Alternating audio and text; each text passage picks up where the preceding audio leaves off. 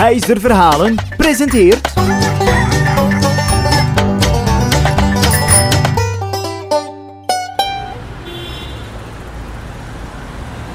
Een drukke stad klinkt niet altijd even gezellig, maar in die drukte woonde er vroeger wel eens een heel oud moedertje.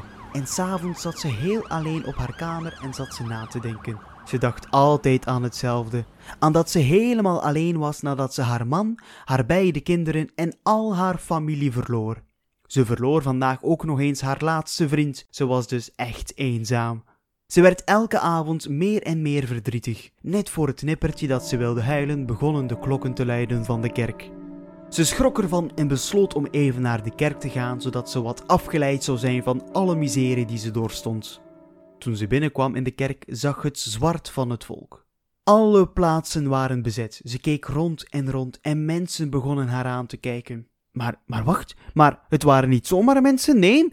Ze zag plots haar man terug en, en haar kinderen, maar ook heel haar familie. De kerkklokken brachten haar verdriet om en ze was alleen maar dolgelukkig dat ze niet meer alleen was op de wereld. Ze gingen allen huiswaarts en nog elke dag krijgt het oude moedertje bezoek.